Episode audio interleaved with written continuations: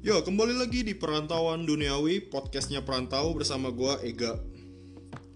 Jadi, em, gimana nih teman-teman untuk stay home ya? Apa kabar semua? Ya, gue berharap lu semua pada produktif lah ya di rumah masing-masing. Pokoknya jangan keluar. Kalau pemerintah bilang jangan keluar, ya udah lu jangan keluar, gak usah pada bandel lo. Pada sabetin lo kayak di India.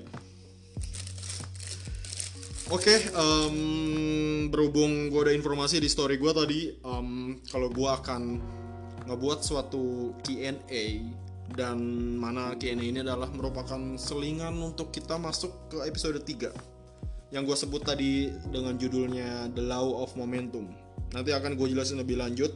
Gue akan share eh, trailernya untuk eh, episode itu.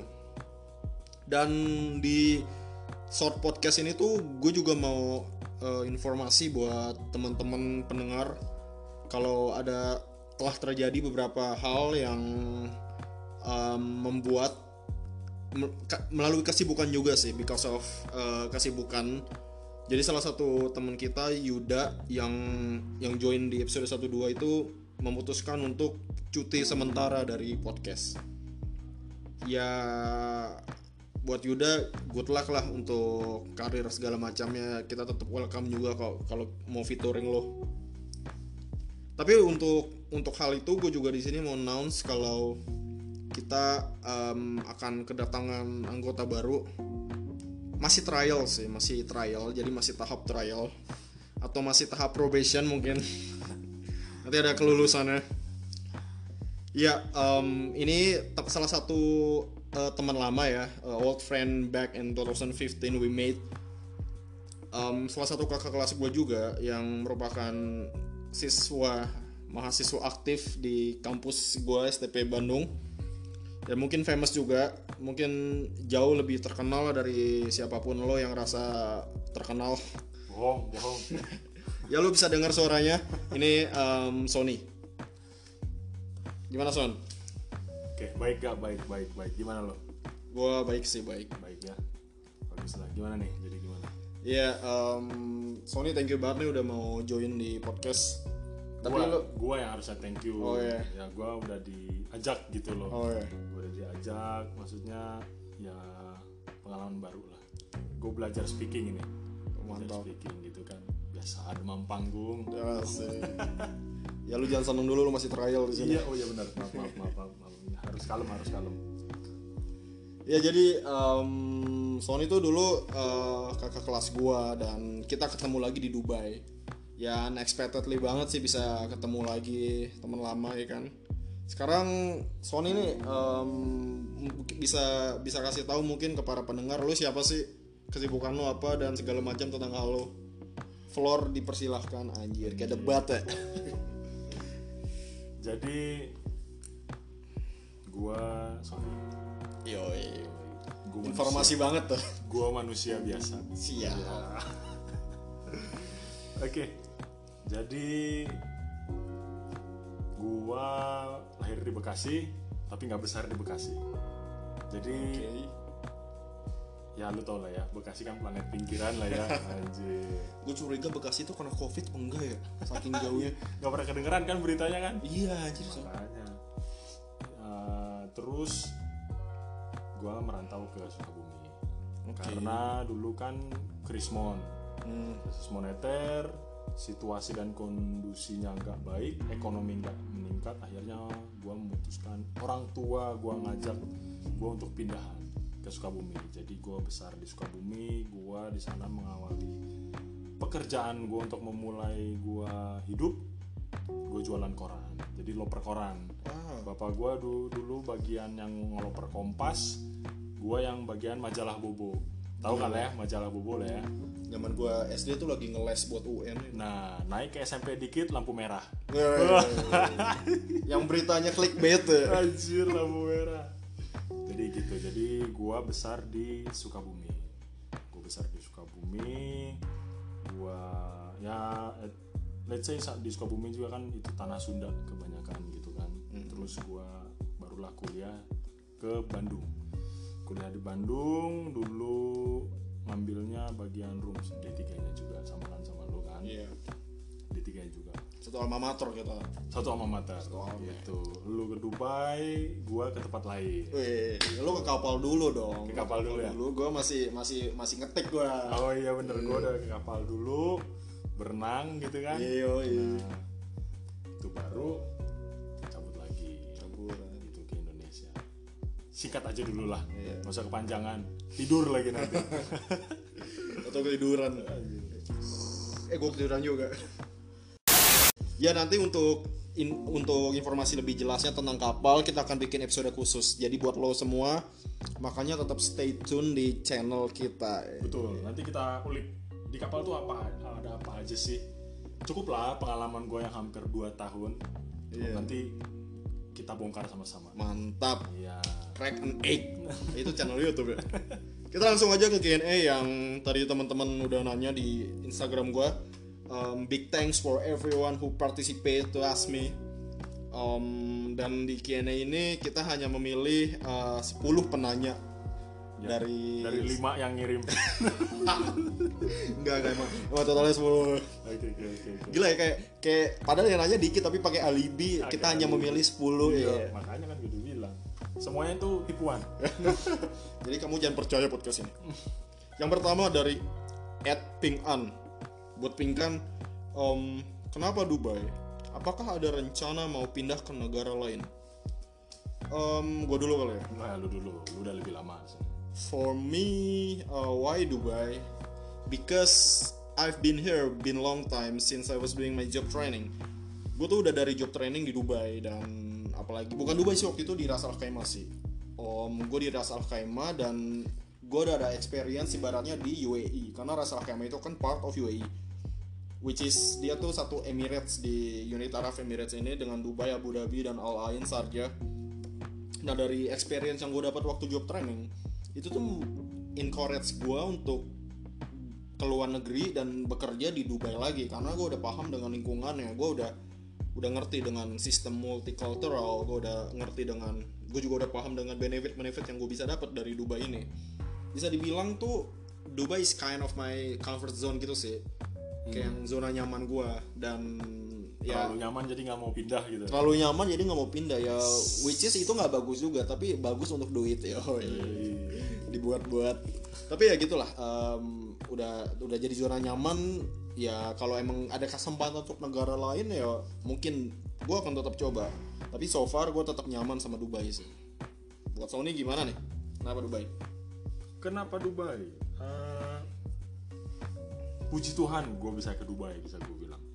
Karena ini salah satu negara yang sebenarnya takut sih gue untuk bekerja karena dulu didoktrin sama kebanyakan teman-teman gue dan ada beberapa juga manajer gue waktu gue kerja dia bilang udah nggak usah ke Middle East.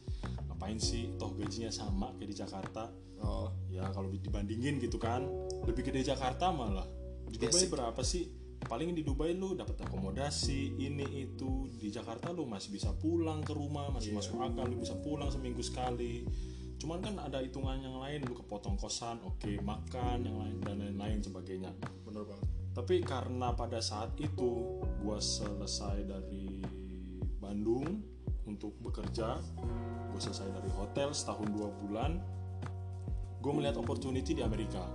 Oke. Ya kan? Waktu itu ada program yang namanya J1 atau training. Manajemen training sorry. Oke. manajemen training di mana lu di situ dilatih untuk jadi supervisor level atau ke atasnya sampai managerial level gitu. Nah waktu itu gue ambil kesempatan itu tapi mungkin eh, yang di atas tidak berkehendak. Jadi mungkin belum jalannya gitu ya. Di atas kamar orang lain. Nah, iya maksud gua itu. Yang di atas nggak tahu siapa. Mungkin pada saat itu Tuhan tidak berkehendak atau mungkin bukan jalannya gua, bukan rezekinya gua pada saat itu di situ. Sampai tiga kali gua interview di konsulat Amerika Jakarta, gua ditolak dengan reason yang sama. gila Jadi gua memutuskan untuk stop. Karena gua tanya langsung sama agensinya yang ngurus juga untuk di Amerika, dia juga nggak punya option untuk uh, gimana ya bahasanya untuk membuat gue bisa lolos gitu pada saat itu karena untuk partisipan J1 ini juga di Indonesia termasuk banyak orangnya dan uh, untuk total yang ditolak juga dari Indonesia ini termasuk banyak. Banyak, Dan Indonesia adalah salah satu negara yang paling dibilang cukup sulit untuk tembus J1 ini. Gitu. Mungkin karena entah peraturan negaranya atau kerjasama Hmm. atau gimana gua nggak ngerti lah. Jadi dari situ gua gua stop. Jadi pada saat itu last hope gua apply lihat di LinkedIn ada agency yang dia bilang akan apa merekrut. Jadi ada pre-opening hotel di Dubai bintang 5 dia rekrut banyak gua apply lah. Dan kebesokan harinya ditelepon gua interview by phone yang biasanya di mana itu Skype. Biasa Skype kan. ya cuman ini telepon gitu. Gila ya. ya kan? Telepon udah telepon ya oke singkat cerita gua ngurusin dokumen dia tertarik dan interview juga sama pihak hotel setelah beberapa hari ke depan dan pihak hotel juga tertarik oke gua urus gua terima itu daripada nggak ada kerjaan pada saat itu dan dan pada saat itu juga mungkin virus-virus ini lagi lagi upgrade mau Lagi upgrade, upgrade. lagi mau upgrade Masih di Cina kalau nggak salah ya. masih di sana Masih jadi di mau Wuhan. upgrade nah sebelum dia around the world jalan-jalan ke tempat lain kan Masih pengen ini apa rumor-rumor perang dunia itu parah sih. nah itu nah setelah itu karena gue udah eh, apa pasrah juga ya udahlah. Kenapa nggak coba Dubai gitu? Kalau misalnya udah oke udah apply visa juga udah apply aman udah dapet tiket. Kita juga sempat ngobrol kan gua ngasih tahu lu lu kan sudah di Dubai juga udah lama nih. Enggak gua mau cabut nih ke Dubai cuman lagi nunggu flight flightnya gitu kan Kalau nggak salah besoknya lo langsung di Dubai langsung ketemu tiba-tiba malam-malam. Nah, pas berangkat gua ngabarin langsung ketemu lu pas Iya. pulang kerja kan Gue balik kerja dipanggil masih depak waktu itu. Iya, dan gue baru nyampe, nyampe tengah malam langsung ac- accommodation tour. Dan kebetulan lu pas pulang, gue panggil gak, eh anjing lu, nah, Iya. ketemu deh anjir. Gitu. Kenapa di Dubai juga yang kenapa nggak ada salahnya lah gue mencoba. Iya. Apa yang gue takutkan kadang itu terjadi tapi harus gue lalui juga lah. Bener-bener. Buat diri gue juga kan gitu. Pengalaman baru lah. Gitu. Gitu sih. Iya. Gimana? Lanjut lagi? Lanjut. Pertanyaan selanjutnya dari Ed Tigren Yoswanta. Tantangannya apa nih kak di Dubai? Wis, FYI Tigren ini salah satu perantau advance level lah ya. Oh ya. Ya, jadi waktu gua pertama training dia tuh udah di Dubai udah dua tahunan gitu men. Hmm. Sekarang dia juga udah yang di kapal. Jadi bisa dibilang nih perantaunya udah level kelas inilah kelas bandit lah ini lah. eh kok kelas bandit? Kelas mafia ini. Maaf ya. Jadi Tigren tantangannya apa ya? Ya lu tau lah, gak usah lu tanya. Tapi ya gitu kalau buat gua sih tantangannya eh, pertama ya pasti of course tantangan perantau itu sendiri. Ya. Lu harus bisa keluar dari zona nyaman lu yang di Indonesia, lu harus bisa kerja jauh. Betul. Kedua mungkin mu- multi apa multicultural kali ya. Karena di sini kan sistemnya kan multicultural. Jadi yang lu kerja bareng tuh nggak cuma negara yang sama, nggak cuma orang lokal. Bahkan lu bisa kerja sama orang India, orang Filipina, orang eh, Mesir, orang Lebanon banyak banget. Dan itu tuh lu harus bisa beradaptasi dengan setiap karakter dari setiap bangsa-bangsa itu sendiri Betul. apalagi kalau bos lu dari negara ini terus supervisor lu dari negara ini itu pasti kan tentu ada ada ada gap dong yang terjadi nah di situ tuh harus lu harus bisa adaptasi jadi itu sih tantangan gue dan tantangan yang ketiga menurut gue itu adalah makanan ya which is dengan tantangan makanan ini gue bisa improve diri gue karena awal itu gue kayak yang anjir gue makan yang sama men tiap hari makan ini makan ini lagi sekarang lagi covid ya kan makanannya sama terus gila Sama sih terus nekan budget anjing Nekan perusahaan. budget. Iya. gue harus nambahin kecap itu setiap makan masak pakai telur tiap hari Iya anjing. Kadang nggak ada rasa garamnya anjing. Makanya Indomie jadi spesial men di sini men semua. Indomie jadi spesial. Tapi ya itu karena itu gue jadi suka masakan masakan India. Gue jadi kayak bisa open minded dengan makanan makanan dunia gitu sih. Itu sih kalau gue tantangannya. Kalau Sony gimana? Ah, gimana ya? Gue belum ada nyampe tiga bulan di sini. Tantangannya apa? Pertama kali gue nyampe ya karena gue sebelumnya udah pernah di kapal juga, jadi gue ya nambahin sedikit lah untuk apa beradaptasi. Oke, karena orang yang gue temuin pasti itu itu juga. Sama ya. Ya, cuman bedanya nasionalitas di kapal sama di sini lebih mungkin lebih internasional kapal kali ya. Bisa ya. gua gua ketemu orang Jamaika di kapal, gua ketemu orang banyak banget orang Peru, Kolombia, yang yang Spanish kebanyakan di, di kapal. Hispanic people ya. Ya Amerika itu sendiri, Oh, gila banyak Kanada. Cuman kalau untuk di sini mungkin lebih ke Asia Iya. pendatangnya ya kan kayak Bangladesh, Nepal segala macam. Jadi uh, ya gue terbiasa akan itu cuman ya namanya di darat kan beda kehidupannya pola pikirnya mau nggak mau gue harus ya gue harus belajar apa gitu tentang negara ini sendiri peraturannya terus terutama tempat gue kerja yang baru ini. Karena pertama kali gue kerja di brand besar which is internasional gitu kan. Iya. dan pertama kali gue nyampe sini kan ya gue langsung nanya-nanya lu gak lu mau pergi keluar nggak? Gue ikut lah yang penting gue tahu gitu ke mana Iya. arah tujuannya ke mana di tempat itu ada apa aja gitu kan. At least kegambar gitu di otak gue gitu. Oh Dubai itu gini gitu kayak mau nyebrang masih kaget gak sih lo nyebrang ternyata mobil pada berhenti. Iya anjir Gila, pertama kali gue nyebrang biasa orang Indonesia ayo pak mangga silakan iya. ya sok mobil duluan gitu mobil duluan ini nggak ada lampu merah nggak ada apa. Kita bablas aja kan kaget gue mobil ngebut kita nyebrang eh, mobil yang berhenti. Mobil yang berhenti men. Jadi kita di sini diutamakan. Parah sih tuh. Iya. Tapi kalau kita ngelanggar juga kita kan ada denda. iya kan di beberapa titik juga ada lampu merahnya sih untuk pejalan kaki Nah makanya yang ada tombolnya itu kan. iya iya Nah, tombolnya masih berfungsi lagi. Di masih Indonesia rusak. Sekalipun nyala tetap susah Iya nyebrang di Indonesia Ngeri gitu. dipencetin terus. Aduh orang Indonesia memang. warga warga warga dua Jadi gitu sih tantangannya untuk Dubai. Oke. Next kita ada dari Ed Akbar Ghazali. Namanya keren ya. Akbar. Gila. Ini orang lokal gimana nih? Frekuensi coli di Dubai sama di Jakarta sama nggak? Apaan sih? Waduh. Coli itu coli apa sih? Waduh bahaya itu bahasa apa itu? Waduh. Tolong hilangkan yang negatif-negatif di sini. Saya mau bertobat, Pak. Aduh. Selama 20 tahun saya hidup saya berdosa. Ya aduh. Harus tobat nih, harus tobat nih. Tobat. Jadi buat Akbar Ghazali, Maksudnya eh, jangan kalau bisa jangan pakai tangan sendiri. Iya benar. Pakai tangan orang. Mendingan sekalian langsung Oh, tangan iya, orang. pakai tangan orang. Lu gak bosen apa tangan sendiri mulu Iya, gak sih? iya. Tangan sendiri lu aja bosan ngeliatnya. Gitu. Tobat lah, nih Akbar Ghazali, tobat tolong ya. Nanti kalau nggak tobat saya masukin Kristen kamu. Murtad. Yaudah langsung next dah, gua skip pertanyaan Akbar ya. Ed Arausan Fikri. Kenalan sama orang Pinoy ya? Putang Inamo. Wih.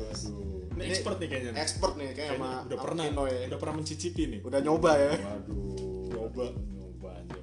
Gimana yang orang Pino itu? Gimana ya? Em, di sini banyak lah pasti orang Pinoy di mana-mana. Banyak banget. Banyak banget. Banyak. Tapi gua agak bingung gak sih kayak lu kalau ketemu orang Pinoy itu kayak lu disangka orang Pinoy. Menurut lu menurut lu gimana tentang hal itu? Ya gimana ya? Yang karena gua pertama kali gua kapal kan jadi kita udah bisa bedain kan. Memang agak mirip sih sedikit. Cuman kalau orang Indonesia tuh beda. Mukanya beda, banget. Lu bisa ngeliat kalau orang Indonesia asli itu beda. Itu tuh rasa bumbu pecel. Ya sudah gua harus beli sambal lagi nih kayak. coklat coklat agak bergerigi Coklat kan agak bumbu pecel bergerigi. gitu kan Iya, kalau iya. misal belum dicampur kan agak bergerigi kasar Benar, gitu benar. mukanya ya kan nah kalau orang Indonesia kalau misalnya kita dari orang Indonesia melihat orang Indonesia kan udah tahu gitu kan Iya. cuman ada beberapa yang memang uh, kita nggak bisa bedain kalau misalnya orang Filipina kan mostly dia putih kulitnya Iya. bersih kan Iya. ya kan cuman yang yang gua heran kenapa mereka nggak bisa bedain kita gitu sama Iya. orang mereka Bener bener. padahal dari sisi uh, warna kulit gitu kan beda Udah beda. beda kan beda banget kan dari kita agak coklat coklat yeah. sama matang mereka kan putih-putih gitu. Entah mereka yang nggak pernah main ke Indonesia padahal gue juga nggak pernah ke Filipina Iya. gitu kan menurut lu gimana Menurut gua sih gimana ya? Disayangkan sih. Maksudnya mereka kan udah go internasional. Ya. Mereka udah go internasional. Di mana-mana. Di mana-mana. Everywhere you go, you will find Pinoy everywhere. betul Exactly right. betul Yang gue sayangkan itu sih, mereka udah go internasional tapi mereka tuh kayak nggak bisa membedakan orang mereka dan orang kita. Tapi ada satu anekdot sih yang gue perhatiin ya, the way I observe Pinoy people, itu tuh kalau kita bisa lihat nih, kalau bisa dari style, kita ngomong dari style.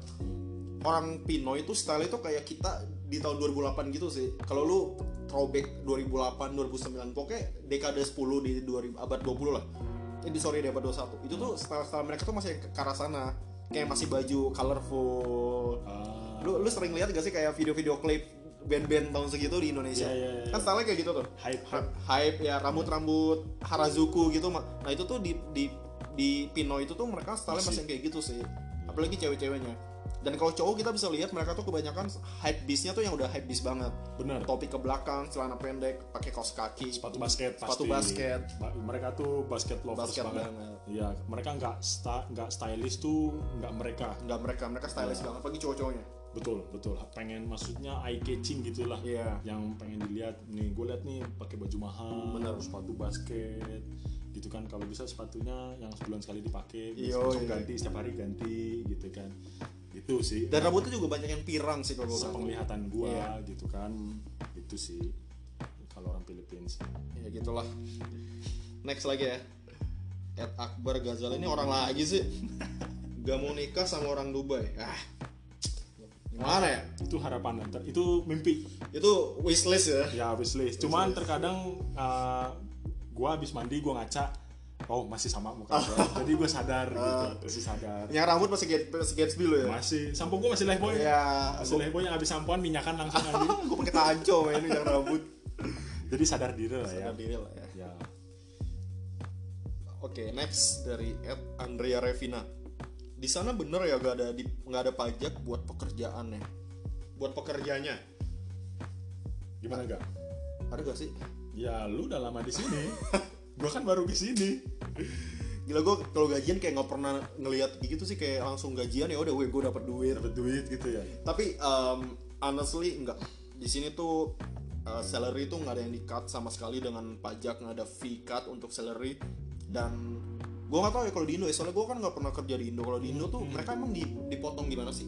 Pakai? Kalau di Indo kemarin setahu gue ya, cuman kalau pasti beda kota beda ini kan beda regulasi sama Hmm. company juga beda lagi. Kalau yang kemarin gue terima itu di Bandung, dia ada beberapa persen PPh-nya, pajak penghasilannya. Lu ada yang dipotong langsung pajak per uh, bulan. Oke. Ada juga yang disisihkan buat dipotong buat apa?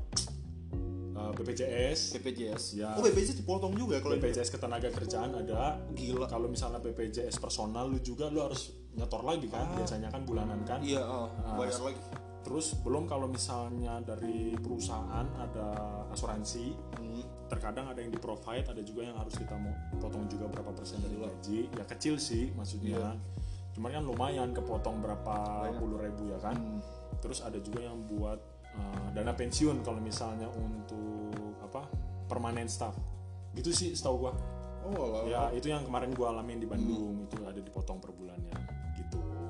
Kalau di sini tuh dia kayak yang asuransi, terus um, bonus segala macam itu ya benefit buat staff.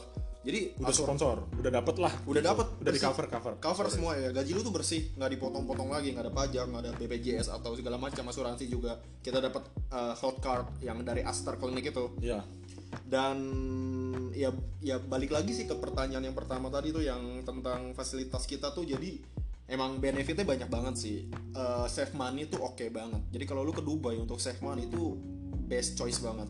Iya. karena dengan akomodasi transport makan segala macam ditanggung dengan potongan-potongan yang tidak ada tadi. Jadi ya karena yang punya juga Sultan jadi Iya, punya Sultan. bingung bingung dia ngabisin duitnya Iya. kali ya ah udahlah nggak usah dipungut lagi salah lah ya. apa apa buat mereka.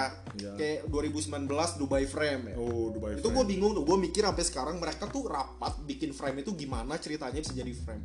Saking banyak duitnya. Padahal bingkai doang kan? Bingkai doang men. Gila gak sih? Makanya, itu di dalam ada ada ada isinya. Lift doang lu lift naik ke atas bisa lihat kota. Udah kayak lu di atas gedung itu mah. Anjir gue kira itu cuma bingkai doang anjir. Makanya ini ngapain mereka bikin bingkai gede? Banyakan duit men banyakan Oh. duit. Mungkin lagi rapat lagi rapat. Terus kayak yang eh kita banyak duit mau ngabisin pakai apa nih? Terus tiba-tiba ada yang Bikin ide bingkai yuk. mungkin ya. Bikin bingkai kali ya. Oh jadi bingkai berarti National Geographic beli beli itu hak milik dari siapa tuh? Nah itu Lu tahu nggak lambang National Geographic? Iya bingkai men. Bingkai Frame- kuning kan? ya. Oh. nah ini. Ini kita antara pertanyaan National Geographic beli ke Dubai atau Dubai yang beli ke National Geographic? Atau Dubai pakai hak cipta dari National Geographic. Nah bayar tiap tahunnya. Tiap tahunnya bayar. Nanti kita cari tahu nih. Cari tahu cari tahu. Oke next. Ed G. Purnama atau Gilang ya. Perantau kok susah develop karir di sana ya. Kurangnya orang Indo dengan orang Asia tuh apa ya? Ini mungkin maksudnya gini kali ya. Kenapa sih orang Indo tuh jarang ada yang bisa grow karirnya tuh sampai man- manager level atau director? Mungkin coba dari sisi lu dulu deh perspektif lu. Kalau dari perspektif gue sih em, pertama presentasi dari orang Indonesia sendiri. Betul. Gimana? Which is um, orang Indonesia ini kan kalau kita bandingin dengan negara-negara lain itu kan dia termasuk dikit presentasinya. Karena kalau kita um, telusuri di UAE ini mereka tuh kebanyakan perantaunya tuh dari India paling banyak of course. Ya. Filipina Indonesia Myanmar. Myanmar lebih dikit sih di bawah kita sih. Hmm. lalu ada dari Arabic speakers kayak Mesir, Lebanon, Ya, Jordan, benar, benar, banyak banget yang dari negara-negara juga dan juga Eropa. Eropa mungkin kebanyakan Jerman sama uh, Rusia sama Rusia. sama ini ya sama Prancis ada beberapa Prancis dan US dan US itu kebanyakan juga kayak udah level manajerial gitu sih. Hmm. Nah kenapa itu pertama karena presentasi orang Indonesia dikit persaingan itu kan semakin banyak opportunity kan semakin banyak orang yang ikut berpartisipasi dalam uh, apa kompetisi itu kan pasti kan kesempatan akan banyak. Sekarang orang Filipina banyak. Mereka bekerja bareng-bareng banyak. Of, of Ya. course banyak yang di level manager karena orangnya banyak juga. Ya. dengan pilihan banyak. Sementara orang Indo kan dikit. Dan yang yang menurut gua yang paling menentu itu sebenarnya sih Arabic speaker sih. Karena di company-company kayak ka- company kita aja ya, uh, manager level tuh udah harus yang Arabic speaker gitu. Diutamakan lah ya. Itu amakan ya benar. Dapat kesempatan lebih mungkin. Exactly. lu, lu bisa ngomong bahasa Arab. Iya dan itu memang susah sih. Bacanya juga kan bukan dari kiri ke kanan. Kita baca kiri ke kanan kan? iya. Mereka dari kanan ke kiri. Dari kanan ke kiri men. Nah itu. Yang ngaji aja belum tentu bisa bahasa Arab. Betul. Iya. berarti kita harus banyak ngobrol sama Pak Haji. Harus iya. kalau bisa belajar ngaji kita lah oh kita besok kita belajar ngaji gimana oke kita murtad kita sama-sama murtad. Anjir gak, Iya, bisa pulang anjing. Mungkin juga sih men pasti mungkin karena masuk ada akal. juga beberapa orang Indonesia yang udah level manager. Gue punya kenalan kayak teman-teman gereja. Itu kayak yang udah director of revenue uh, Oh, ada juga. sales manager ada beberapa. Jadi bukan berarti nggak mungkin sih. Jadi ya lu kerja oke. Tapi us gimana caranya lu kerja supaya orang lihat hasil kerja lu? Bukan jilat ya bukan ngejilat atau cari muka tapi bagaimana supaya orang bisa melihat hasil kerja lu? Bener bener bener gitu sih. Kalau menurut lu gimana? Oke, buat Bang Gilang, oke. Jadi sama-sama belajar lah ya karena gue juga baru di sini. Tapi menurut gua nggak ada yang nggak mungkin. Satu sisi, selama lu mau gigih, lu kerja gitu. Lu mau kerja, lu mau sabar, lu mau tekunin pekerjaan lu, apa pun itu levelnya maupun di bawah di atas apa. Yang penting halal. Iya. Yang penting halal dan tujuannya sama kerja gitu kan. Dan ya dan lu lihat ada opportunity di mana di tempat lu bekerja itu kena nggak ada salahnya lu, lu untuk maju gitu. Selama manajemen lu mau mendukung.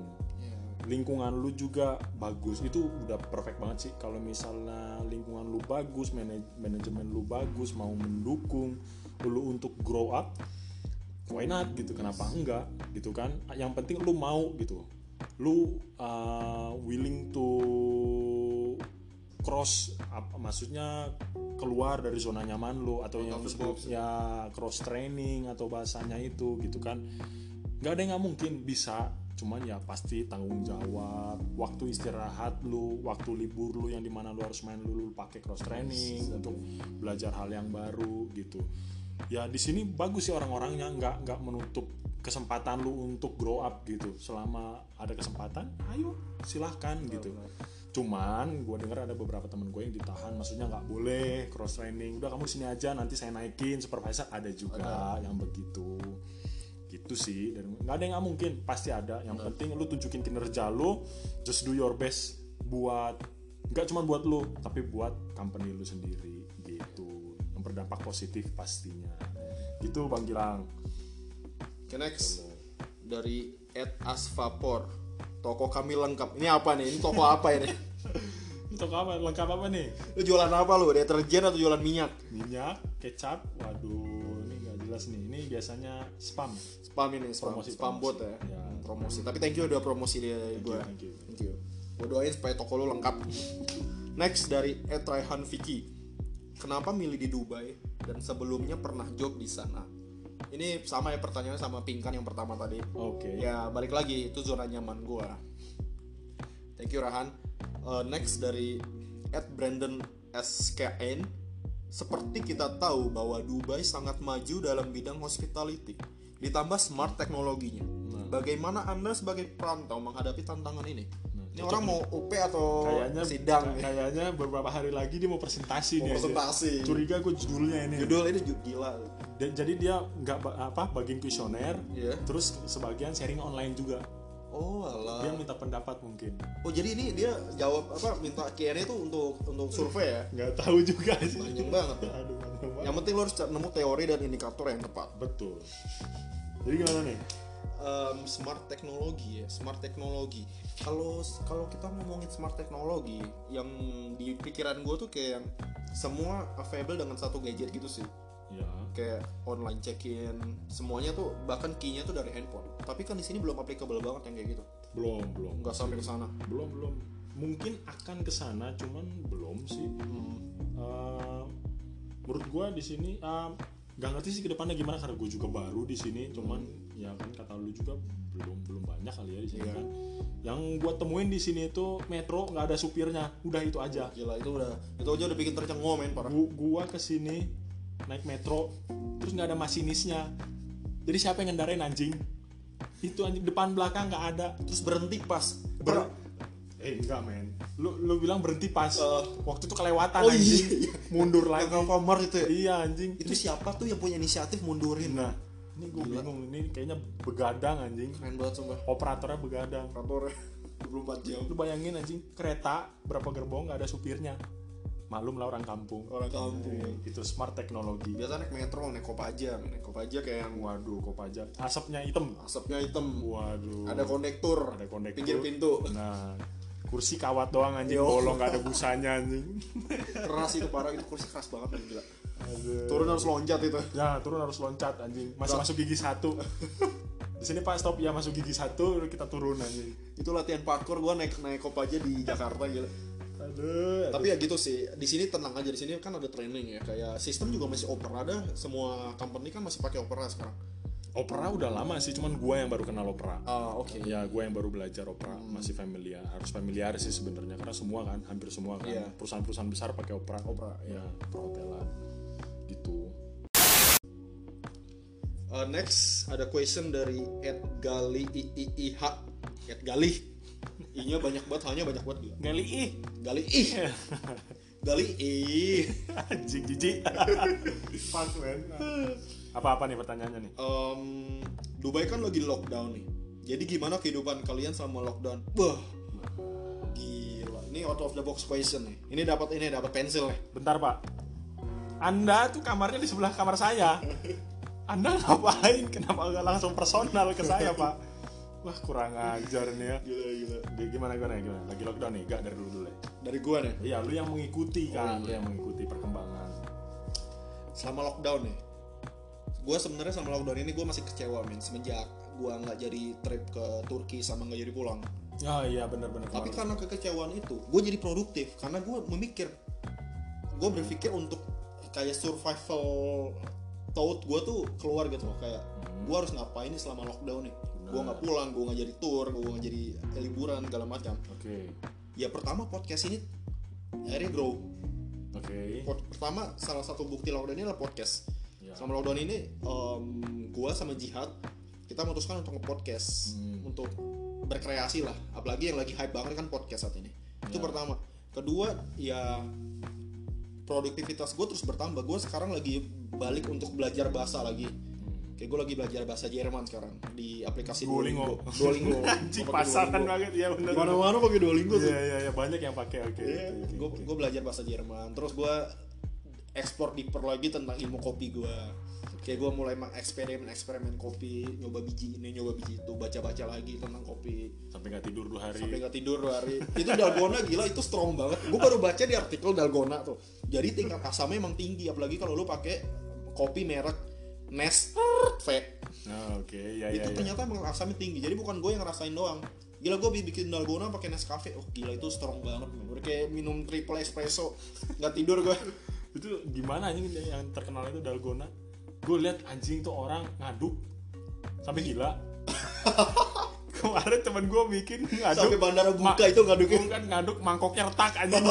Goblok anjir gue gelasnya pecah jadi gue gue microwave soalnya oh anjir bangsa nih gimana tapi ya itu produktif lah ya produktif bikin Produktif. kopi terus main sama bareng-bareng sama teman-teman benar main benar, kartu kita benar. Kartu, gue maksudnya udah oke kebetulan juga ya orang Indonesia udah mulai banyak kan Iya, benar. di sini waktu lu pertama kali di sini kan cuma lu Gua doang. cuma lu kan salah satu pentolan Indonesia lah Nolep banget gua iya di properti nomor satu. Dubai. Yoi. sekarang udah mulai banyak nih Sekarang banyak jadi agak hidup lah ya. Agak hidup. agak hidup. Udah enak gitu. Bisa gitu main bareng gitaran apalagi semua pada uh, live juga jadi bisa bareng-bareng lah. Jadi gitu sih produktivitas gua selama selama ini selama lockdown. Nah, ya bagusnya lu sih uh, lu mikirnya masih positif gitu. Lu masih mau mengencourage diri lu memotivasi diri lu lah gitu Se- secara lu nggak jadi ke Turki Iya. lu pasti buang duit dong. Benar. Ya kan? Lu udah ada tour beli ini beli tiket beli jaket jaket buat dingin tapi lu pakai di panas gila gua beli winter coat gak pakai anjir. Itu makanya lu gantungin aja masih di lemari kan. gua gantung. Terus lu nggak jadi pulang ke Indonesia di mana lu yang ngambil paid leaves kan untungnya. Dan sekarang juga yang statusnya unpaid lu masih paid gitu kan. Iya. masih dibayar. Gitu. Kalau gua sih gua nyampe terus sebulan kemudian ya keadaannya makin memburuk gitu kan. Yes. Ya mau gimana lagi? Ya mau nggak mau gue ikutin. Bersyukur bersyukur banget uh, properti ini nggak nggak mem PHK karyawannya gitu. Jadi Yes. mereka masih mempertahankan karyawannya. Jadi mereka cuman memulangkan. Maksudnya kayak kita dibalikin ke akomodasi gitu. Lu stay di akomodasi makanan kita provide yang penting lu stay. Maksudnya lu nggak ke mana-mana gitu. Iya.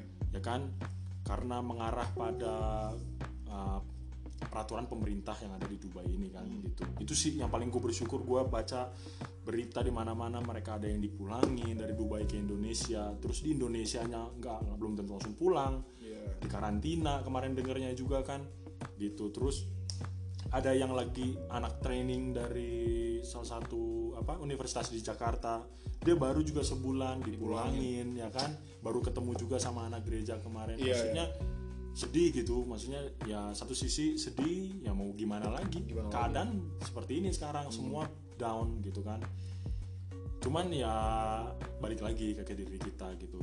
Maksudnya gue juga di sini bersyukur karena ada juga beberapa orang Indonesia. Jadi masih bisa produktif masih bisa eh, main bareng sana sini ah, terus di sini kan apa pertama kalinya gue di Dubai juga terus lockdown terus gue mempelajari peraturan-peraturan baru di mana harus pakai masker. Lu nggak pakai masker lu didenda. Iya. Lu nyebrang nggak nggak nggak pada zebra cross lu didenda.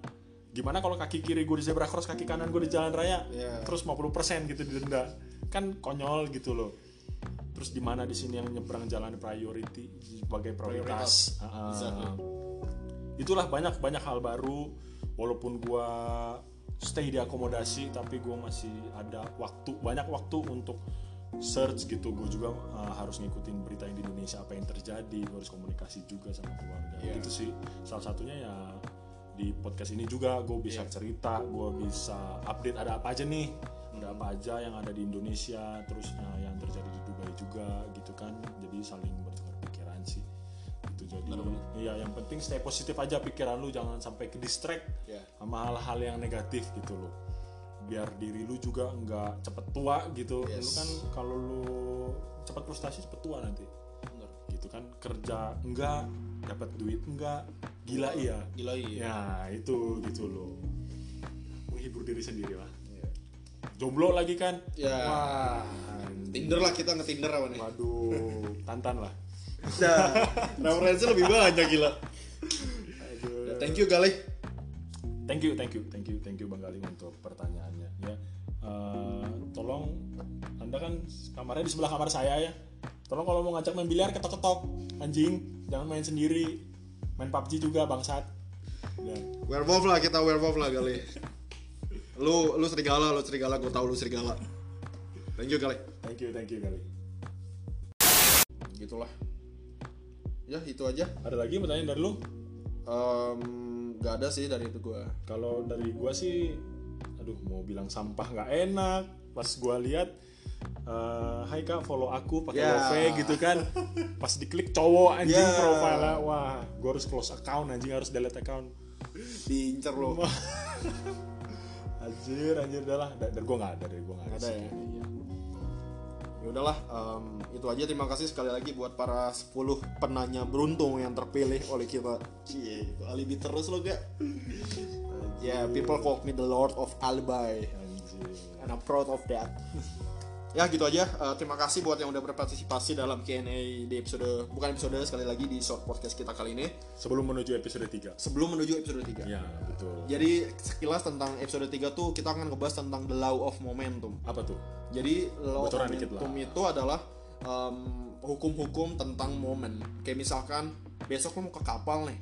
Apa sih yang lu harus siapin ke kapal? Informasi apa yang lu bisa gather, yang lu bisa observe untuk lu bisa survive di kapal selama di kapal nanti. Kita harus well prepare. Well maksud- prepare exactly dengan momen-momen yang akan lu hadapin di sana. Ya, ya, ya. Ya contohnya misalkan mempersiapkan akun Netflix atau akun Spotify buat dengerin podcast ini. Oh, menyambungnya ke sana gitulah jadi em, seru lah pokoknya di law of momentum nanti kita akan ngupas abis tentang dunia perantau dunia internasional tentang Ya. travel juga kita akan masuk ke ranah travel Oke. Thank you juga udah ngundang gua. siap Eh, mengingat gue masih training, Hmm. gue masih trial di sini, jadi gue akan mencoba baik-baik aja. bagus bagus Gue baik, gue mengikuti peraturan Bapak Ega sama Mas Mul. eh, ditunggu Mas Mul pulang Mas, Mas Mul. ditunggu pulang Mas Mul Jangan kerja terus Mas Mul. Ingat kamu sudah kaya di sana ya. Kamu tinggal di hotel ya, dapat kamar gila dapat kamar, wifi. Kamu mandi nggak pakai gayung kan di sana Mas Mul? Sombong man. Pakai shower ya. Anjir. ya gitu aja lah jadi buat Sony selama trial ini adaptasi yang baik yang cari muka eh, Anjir. Enggak lah, produktif lah. oh produktif Ini jalan gua dua minggu, waduh, kepala tengah gua udah botak nih. anjing. waduh Waduh, tiap hari mandi air kaporit anjing. Kekikis pala lu kan botak kerja kagak, Kerja kagak. sampo masih life boy Nah, sampo life boy lagi habis dipakai minyakan anjing. Gue pakai tresemme dong Terus wah, beda lah orang mahal lah ya. Banyak suntikan dana. Yaudah itu aja terima kasih sekali lagi buat semua yang udah dengar Kita ketemu lagi di The Law of Momentum Dan stay tune terus di channel kita Kok channel sih? Kayak Youtube Podcast. Apa sih? Podcast. Podcast ya? Podcast. Ca- Stay tune terus di podcast kita Jangan lupa subscribe Eh apa? Follow. Spotify. Follow Follow ya? Saya curiga. Anda tidak memperhatikan dengan baik Anda. Ya terus untuk dapat informasi lebih lanjut terus follow uh, Di follow ya, nanti follow. ya jadi jadi nanti ke update terus ke update. Nanti juga kita update di, di IG kita masing-masing lah Di @egaseptian atau Sony IG-nya Saya saya nggak famous pak. Iya Nah, Boleh di deh follow, tolong di follow ya So- Sony Sony SLLGN. Siap nanti nanti kam eh, nanti kalian follow, aku blok gitu maksudnya Iya. gitu. Takutnya ntar disangka yang cowok tadi, hai kak Follow back kak, padahal belum di follow Yaudah gitu aja, terima kasih. Salam perantau duniawi. Bye-bye